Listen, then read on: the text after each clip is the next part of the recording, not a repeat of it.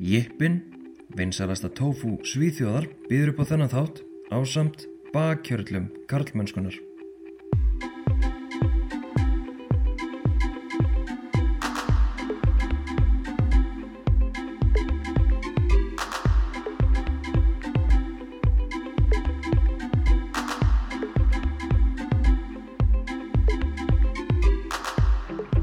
Jippin tofu er unnið úr lífrænum óerfðabreyttum sojabönum og fæst með lífrænum kryddum, reykt eða ókryddað tilbúið í matargerðina beint úr pakkanum.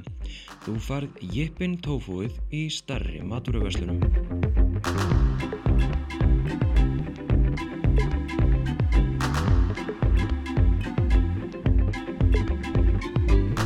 Ég hef margóft talað um forréttindi mín, hvernig þau eru bæði meðfætt og á unnin.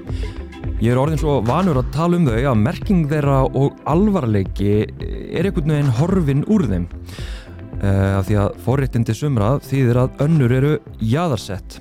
Viðmælandi minn í dag setti forréttindi mín og forréttindi almennt og jaðarsetningu í ansi stert samhengi fyrir mig um daginn þar sem að ég var að halda fræðslu en uh, já, það má segja að, uh, að uh, borðinu hafi verið snúið við þar sem að hennar input uh, var svo magnað að ég bara varð að reyna að fá hann að hinga til þess að já, bara leifa ykkur að heyra hvernig hún talar um sín forréttindi og jæðarsetningu. Þetta viðtal fer fram á ennsku og we are gonna talk English now. Uh, that is out of my comfort zone.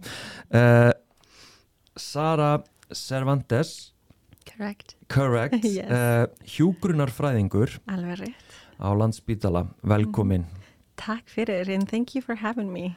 Takk fyrir að koma uh, The first question uh, Who are you? and how did you end up here in this studio? Mm, yeah, good question. Well, my name is Sarah. As you mentioned, I'm a nurse uh, working with Landspitali, and um, what brought me here to the studio actually was a, um, a course that Landspitali is trying to have to uh, educate people more on diversity. Um, and I, this is a subject that's really close to my heart, and I've I talk about and I read about. And so when I saw it, I was really happy that Landspitali was doing this, and I was like, I absolutely have to go. Um, and I went, and I was uh, really happy that Landspitali is having these kind of uh, conversations. But I was a little bit uh, taken aback because out of all of the adver- advertisement that we had for this class, only about seven, eight people showed up. And um, I guess we could probably go into this a little bit later. It was just um, that if the hospital is providing something that's important for the employees, I just wanted to see more attendance. It would have let me see that my coworkers are trying when it comes to this uh, sort of uh, conversations. Um, but in that beautiful meeting that I did have with people that did listen and are trying their best, um, which thank you, my heart goes out to you. You you were amazing that day. I met you, and so that's how we ended up here. Yeah. Yeah. Um, and we were talking about, I mean, we had input. Uh, my input was about privilege and, and, uh, and, and discrimination. And we took some examples from my life and, and Herdis, Herdis life. Uh, Herdis Solborg and Sóley Tómasdóttir was also, uh, sorry, I'm to say it in Icelandic. Uh, Herdis Solborg and uh, Sole Thomasdóttir eru líka að sjá um þessa fræðslu í landsbytalanum en þarna var uh, bara ég og, og Herdis Solborg. Uh, and I took some examples about my privilege. Uh, and then we just uh, talked. Um, and we went the circle Yeah. and, and people shared their privilege and, and their discrimination That's right. uh, And the circle got to me, and the circle got to you even though I, I was like, I'm only going to go to observe and listen. But I was like, okay, well, the circle is on it's on me now, so here it goes. I mean how did you feel at that point? Um, honestly, it felt like the right time to speak up about what was going on, and it felt like the right um, community to do that, the right audience, if that makes any sense. I felt safe in that environment, and therefore, when I feel safe, I'm able to better express myself. Um, and the issues that are close to my heart in a way that is vulnerable and straight to the point. Mm-hmm. And so, in a way, thank you guys for for creating that kind of environment where we were able to express our our, you know, our stories in a way that was able to get across. Mm-hmm. And can you tell people? Um, I mean, should we start on your privilege or? you can jump into whichever one you want, either my privilege or my not so privileged past, either or. I'm, I'm both. Yeah. I mean, yeah. Can you can you explain what do you mean by that? So, how am I both? Um, for those of you that don't know me or can't see me, um, I don't know if that will be shown, but how, anyway, I am a person with melanin, meaning that my ancestors uh, moved to the States um, when I was uh, very little. And by that, it was my mom, and she is was a single mother of two daughters. So in the States, I never had or never felt like I had privileged because I was just clumped in with all of the other people of color living in the trailer hood because that's where I grew up in a little trailer hood uh, right outside of North Chicago. Um, and I had a great time. My high school years were amazing. Uh, but I always felt like diversity was it, and that was what you would see the rest of the world. So, um, because we went in a very multicultural, I was in a very multicultural environment. And then I moved to North Carolina and I saw that it wasn't the case everywhere. And then years later, fast forward years later in my life, I moved to Iceland.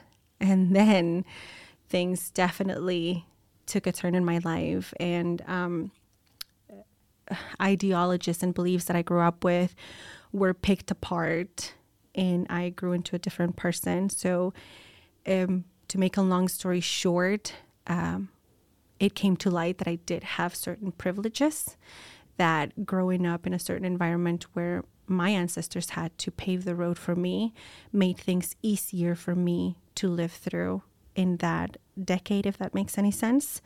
Um, I know that things are hard right now everywhere, uh, but at the time where I was growing up, you know, I had people to look up to.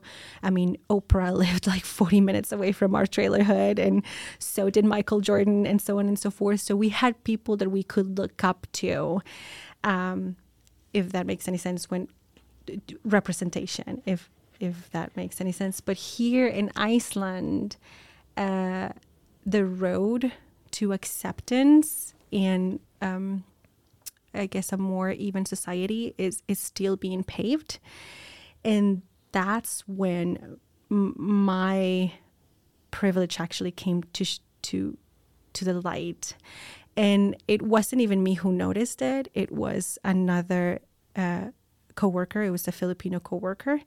Uh, she approached me with a question that made me uncomfortable.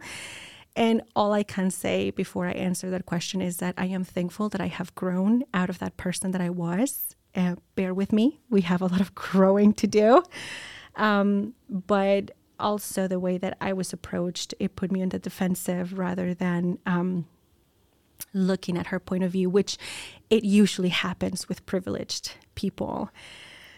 Yep, yep, yep. it puts us on the defensive, and like, well, what do you mean mm-hmm. by? Mm-hmm. Um, so what she said, uh, I don't know if you guys want to know, but um, she said, "Have you noticed how?" Uh, the doctors, when they approached us uh, Filipinos, they always stick to Icelandic and nothing but Icelandic. But when you're approached by the doctors, all of a sudden they feel more comfortable switching to English. So my privileged self, the first answer was like, well, maybe because English is my first language and he doesn't feel comfortable having to you know, speak English, which is his second language, to someone who speaks uh, English as a second language too. And guys, if you're shaking your heads at home, yes, that was the wrong thing to say. I did apologize to that person. I have a text to prove it. Um, but most importantly, I learned from that. Basically, what she was trying to say in a way that wasn't registering for her at the time, and in a way that wasn't registering for me at the time, is do you realize that there's some sort of privilege surrounding you that somehow it doesn't touch the rest of us? And I think if she had phrased it like that, I probably wouldn't have gone on the defensive like I did. But also at the same time, you can't really ask oppressed people and marginalized people to do the work for you to phrase things in a way that will make you less uncomfortable. Mm. So even though it was said to me like that, I had to wrestle with that. I had to take it home. I had to delve into it and try to figure out what she meant. And that's when my, I call it my unraveling, but also my growing, mm. um, because it started picking at threads of my life that had been stitched in a way that was wrapping me in a little bit of privilege. I am um, I do have some melanin to my skin, but I do get from some Icelanders like, "Oh, you could pass as an Icelander." That's privileged. Mm. You know, mm. that's um, even though I have some melanin, I'm I'm not uh, this whole idea that I could pass is is something that I I never felt as privileged back home, and yeah, it started mm. unraveling here. Mm. So with that said, when I took that home, uh, other things started popping out in in my life. I think at that point when that happens to anyone, you have two choices. You either ignore it and you dismiss it as being uncomfortable, somebody just uh, venting on you about their problems and their issues, you can ignore it like that, or you can actually choose to look into this and see why it was said and what is happening around you that you're not seeing mm. that is actually causing this kind of friction. Mm. So, in my case, thank God, I took it home and I mulled it over. I thought about it, um, and other things just kept popping up. And then all of a sudden, it was a string of things, and it was difficult to ignore them. Matter of fact, to have ignored them would take more effort than to actually accept them and look at them and face them for what they were, mm. um, which is discrimination versus mm. slight privilege. Mm.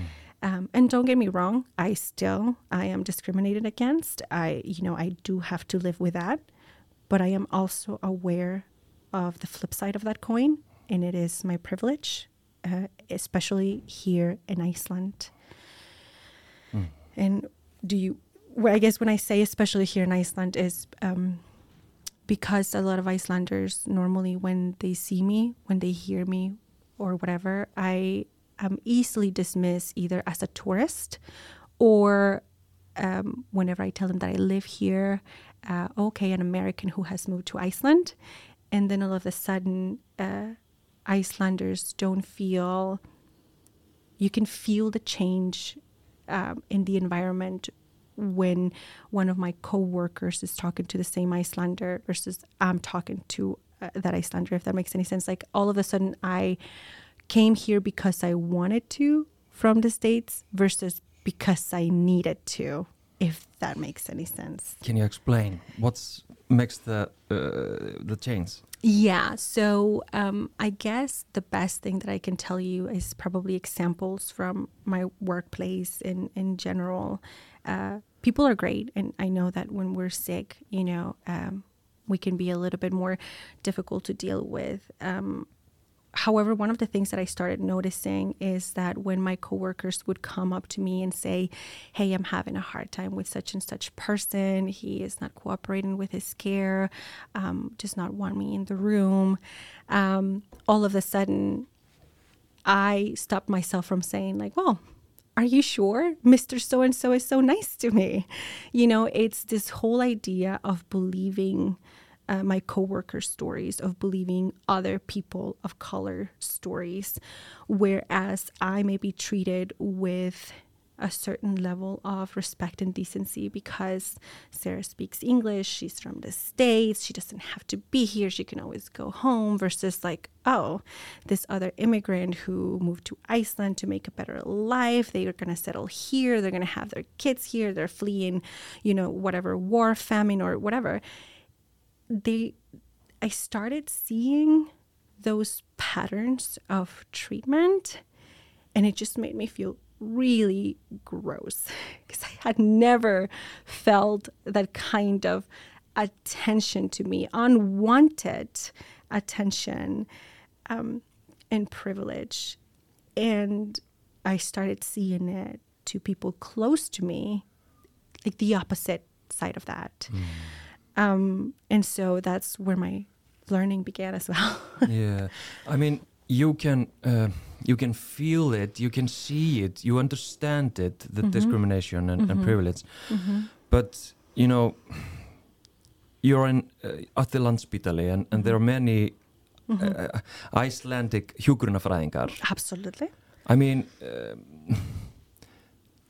do you think they are doing all they can do?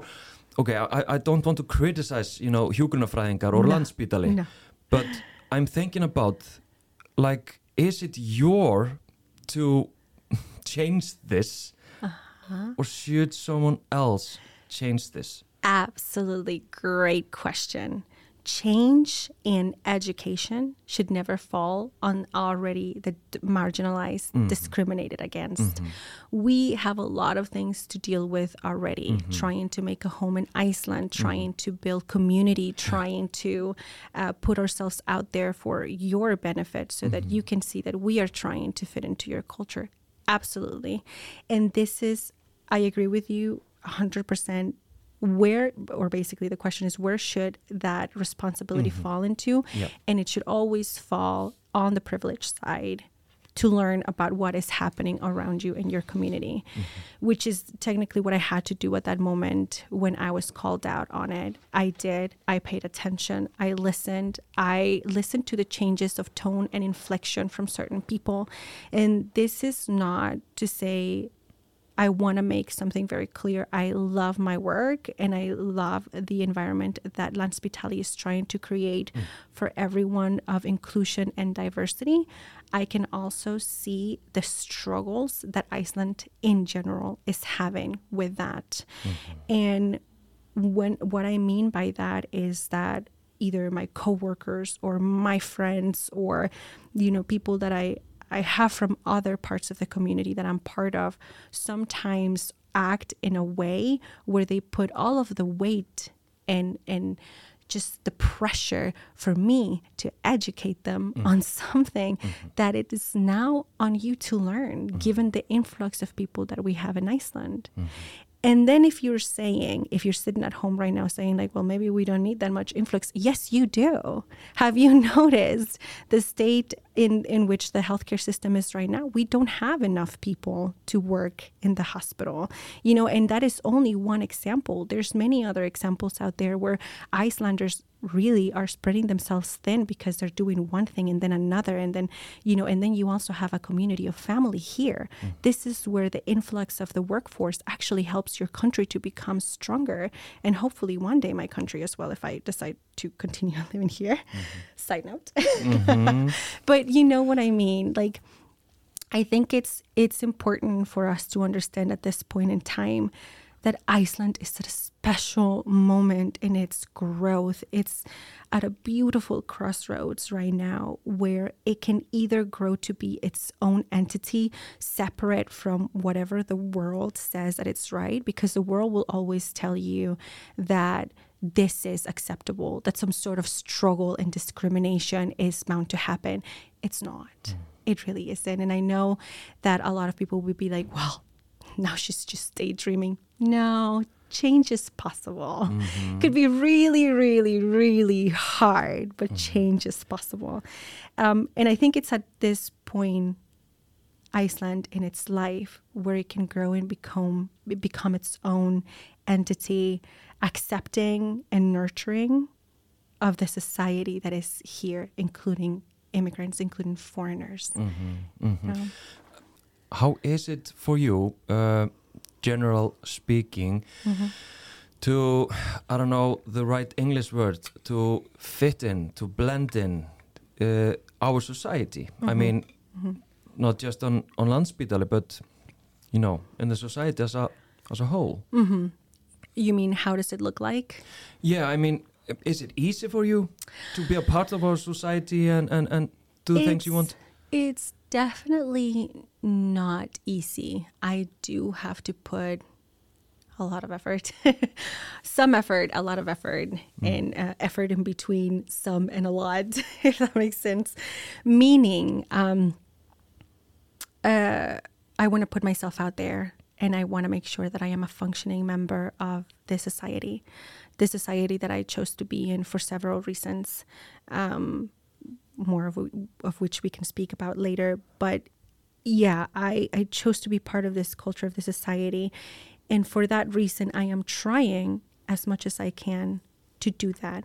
So I will show up to the meetings like what I did when I met you, or I will reach out to the community and go to community events, um, so on and so forth. I most recently tried to join, uh, and I successfully did, thank God, uh, the search and rescue program, which they've helped me grow a lot and learn a lot of Icelandic actually. Um, and I've also uh, joined now a a gym, an MMA club to to meet more different kind of people.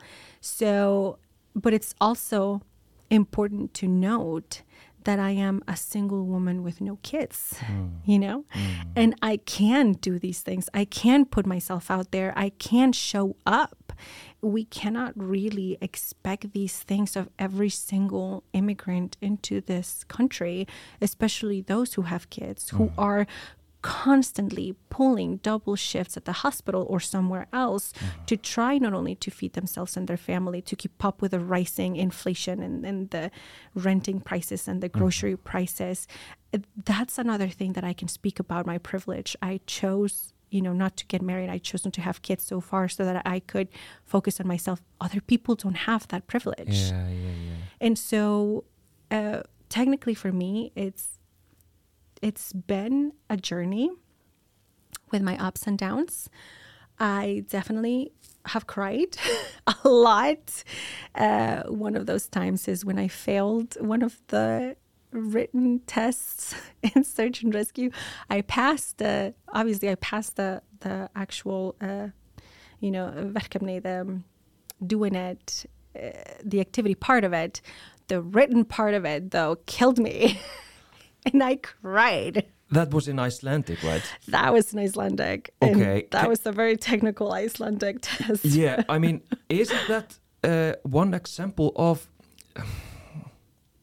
systematic exclusion? i have heard that said um, in many settings Okay. uh, one what i can say is just give my experience in that and um, to make a long story short i just kept showing up uh, i know from the from the get-go when i went to the first meeting like i said i know enough icelandic uh, to understand what they were saying is that you need to have work in icelandic if you decide to proceed with this class and um, and I think at the time because it was during COVID that I decided to join.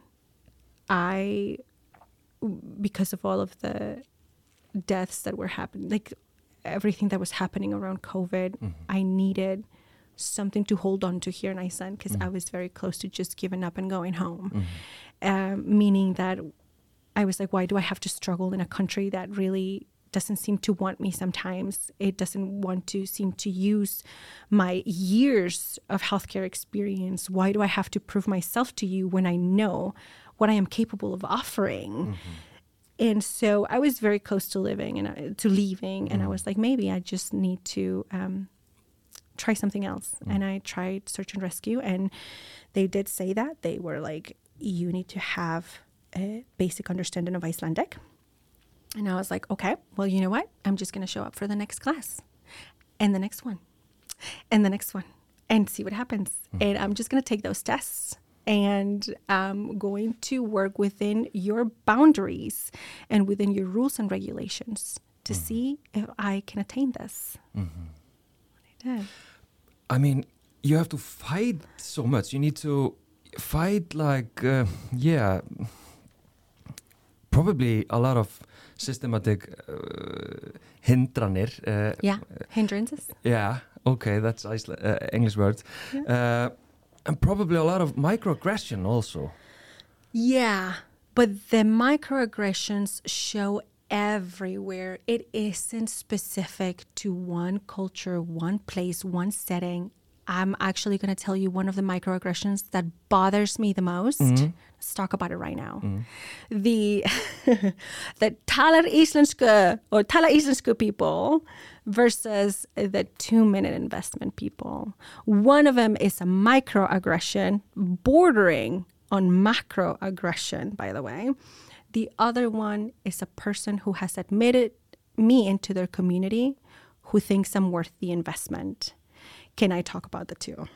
Please. So, uh, the Tala Islandsko people will never reap any benefits of me learning Icelandic because they're really not doing anything for me to learn Icelandic. Yelling at me in the hallway to Tala Islandsko if you see me talking to one of my coworkers about our private life, something that they're wrestling with outside of work, it will never yield what you are expecting of me, which is actually to settle into the Icelandic culture. You have a lot of subtleties, a lot of things that I need to learn about your culture, of course. But saying something like that, it instead of being a stepping stone for me to learning, it's a stumbling block. It makes me stumble in the fact that maybe you don't like me. You're putting undue pressure on me that you know nothing about. You are not giving any investment in me that I know that you care about my learning Icelandic. And that's how we move on to the two minute investment, what I call the people, two minute investment people. And those people are amazing. Please continue what you're doing. You have no idea the impact you're actually making in your community. And those are the people that are, that come up to me and say things like, "Hey, I saw your story on Facebook or on Instagram. How are you doing or how is this going?" Or, "Hey, I saw you went on a driving class this weekend. Did you pass it? Did it go well?" You best believe now I want to learn Icelandic to tell this woman how my weekend went. You know what I mean? Mm. And I have a couple of people in my life that constantly do this, and I'm constantly learning new words. And I cannot wait for the day where I where I can string them all together flawlessly in a beautiful flow of Icelandic mm. to have a conversation with them. Because with those two minutes that they've given into my life, they've accepted me into the community. Mm-hmm. They've told me with those actions, hey, I see you. I am here for you, and this is the best way that I can support you. You know? Yeah. And it makes you want to put that investment and learn. Um, it's so encouraging.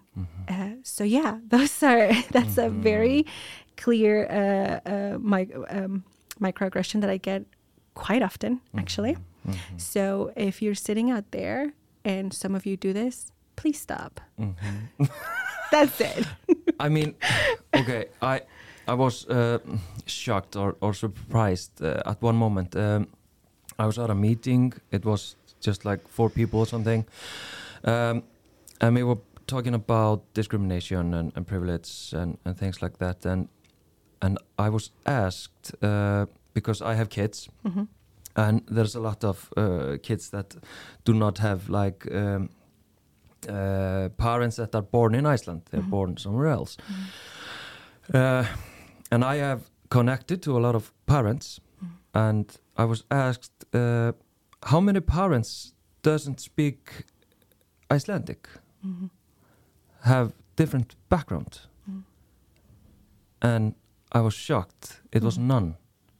None of my kids' parents uh, I was connected to uh, had different background than me. So the question is are we afraid? Do you see us as afraid of people that don't uh, speak uh, perfect Icelandic? Are we isolated? Are we private? Uh, or are we welcoming? Are we open? Um, so, to be quite honest with you, that is a person to person situation. Unfortunately, or fortunately, actually, in this case, I cannot clump all of Icelanders together, whether saying yes, you are open or no, you are closed, because it seriously changes from situation to situation, from person to person. Okay.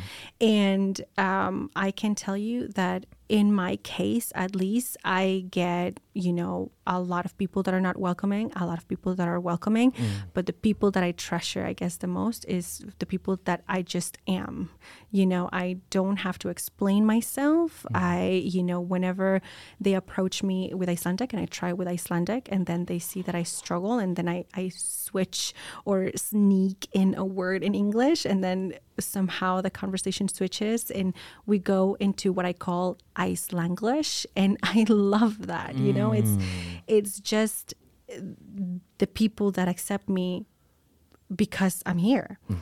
And then you will definitely have both the, you know the other extremes the people that definitely wonder what I'm doing here. the, the the people that are wondering what is she doing here? She doesn't speak Icelandic. You know, can we move on and and you know get someone else? And unfortunately for those people, uh, there is no one else.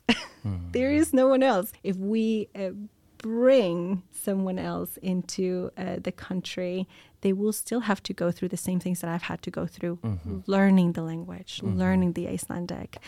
Um, so, yeah, you can either try to work with me with what we have, um, or you can start all over again. But this will happen if that makes any sense. And that's why you have a lot of friction and a lot of um, resistance, Okay. I think, to immigration to some degree. Yeah, uh, I was thinking about one question uh, Yeah. because I've um, so many times heard uh, Icelanders uh, talk about at their workplaces, uh, Mhm. like Landspítali or, or Mhm. big workplaces, Mhm. where we have like we have a lot of people, Mhm. a lot of hierarchy, uh, Mhm. mm, formal hierarchy, and and, and social hi- hierarchies. Okay. Uh, and some Icelanders say it is problem how uh, these people group together. People that have something in common, that are similar, they always sit together, they're isolating. This is problem. You know exactly what I'm talking about. Exactly what you're talking about. What's your vision on, on this? Uh, You can't blame people for finding a comfort zone whenever they feel alienated. And again, for you to feel like this is, if your best or your first answer is to blame it on them, that's your privilege. Mm-hmm. Please check your privilege. I mm-hmm. had to do it. Mm-hmm. I, I, I know it can be done, it is possible. Uh, because a lot of people do group together uh, because they already feel like they're at a disadvantage in this certain environment. And I can tell you on the other side that foreigners feel the same way about Icelanders. They're like, well, I'm never invited to a Thorrablot or I'm never invited to XYZ. And yeah, let's be quite honest with you. I mean, when was the last time you went to a Thorrablot? I can tell you that. It was a couple of years ago. And I think I was the only foreigner in that you know, whole Thorrablot. Mm-hmm. Uh, i- Iceland is a beautiful and rich, rich culture, but you also have to, there's no but. Iceland's a beautiful, rich culture, period.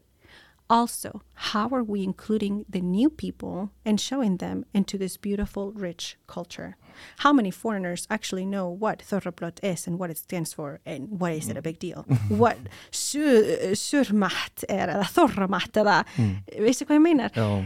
How many people actually can say that? Well, this is where the people who are in power, the people who ha- have the privilege, also have the opportunity to take this information to the newcomers. I totally agree. I, I want to because you mentioned uh, one thing about your uh, atvinnuleyfi or, or visa, Yes. and I asked uh, I asked you, so you're kind of stuck. Uh, can you can you explain uh, the situation you're in? Absolutely. Um, so, whenever you come to Iceland on a work visa, especially the kind of work visa that I am, if you are not within the, I believe, the EU uh, countries, your work visa is special for specialized workers. Uh, it's very dependent on what you do. So my visa currently it is um, uh, nurses, or you know because you need nurses uh, here in Iceland, kind of visa. That also means that it comes with a whole bunch of limitations, meaning the only way that I can continue having that work visa is if I only do nursing work. And don't get me wrong, I love what I do. I'm not going anywhere anytime soon. I love my job. However, mm-hmm. not having any options, mm-hmm. it, it, makes you feel limited. It makes you feel to some degree used. Let's mm-hmm. be quite clear and honest about this. Mm-hmm. If the only reason why you brought me here and accepted me is because you just want me to fill this one spot. It makes me feel like there's no other use for me other than this. And it's not very encouraging for growth. How can I invest in a society? How can I be encouraged to invest in a society that doesn't feel like it can invest in me also? You know? So if if it's like a horse with blinders. All I can do is this job, and if I want to request a, a change of of um, uh, to change out into another unit, into another ward, or to do different kind of nursing, go into a different sector, or even increase or decrease my percentage, I have to go through hoops and I have to ask people for permission. I have to send it to Vinnumálastofnun, who will send it to UTL, who will, you know, I just have to keep all of the powers that be informed about any movement, whether it is lateral, forward, backward, it doesn't matter. I mean, what if I want to do 80% nursing and 20% bartending?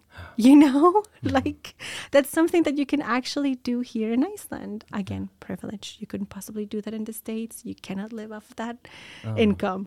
But it's something it's it's nice to have options. Yeah. And feeling that a country would be willing to give me that it's like investing in me and nurturing me mm. to give you more. Mm. And I think that is the point of all of this as well.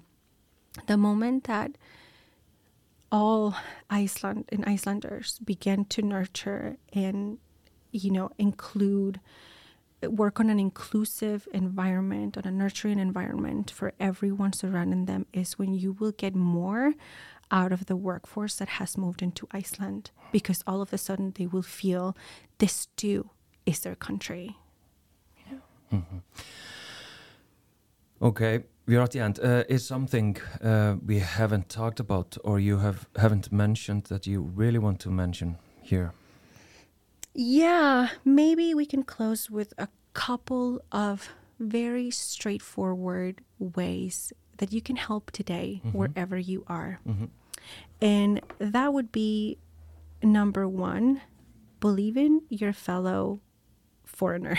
that means that whenever you have been privy, privy to listen to some of their stories, uh, whether it is a struggle story or an experience that they had, um, I would ask you to please uh, don't jump on the defensive of like, are you sure this is what happened? Are you sure you're not misunderstanding? Could it have been XYZ? You know, last time I went to this place, I had a great, mm-hmm. uh, what is it, uh, experience there. I don't understand how you didn't. Exactly. You know, you don't understand. so let me tell you about it. Um, but yeah, uh, the, the, paying a little bit more attention how we answer to people when they tell us about their experiences. So not denying their experience because mm. that's also a little bit of erasure and that's a different topic. I guess we can talk about it another time. Um, number two, please, if you really want your foreigner friend to speak Icelandic, I encourage you to start with a two minute investment. um, try at all costs to avoid talaru íslensku. It doesn't help us. Let me tell you that right now. It does not help us. Um, but your investment in us, in me, it does. Um, and number three, just know that I'm trying to. I know this is new to you. Um, I know you may feel like you're out of your depth here, out of your comfort zone. Trust me, buddy, so am I. But we can do this. we can do this. we can meet in the middle. and if um, in once hopefully I get my permission to stay here, I will hopefully be able to dedicate myself a little bit more to you as well and to your language, which is really beautiful, and to your culture, because I'm really looking forward to doing that. Yeah. Sara Cervantes, thank you very much for thank sharing you. your experience and, and yeah, vision on privilege and, and discrimination and limitation and, yeah. and everything. Thank, thank you. you likewise for having me.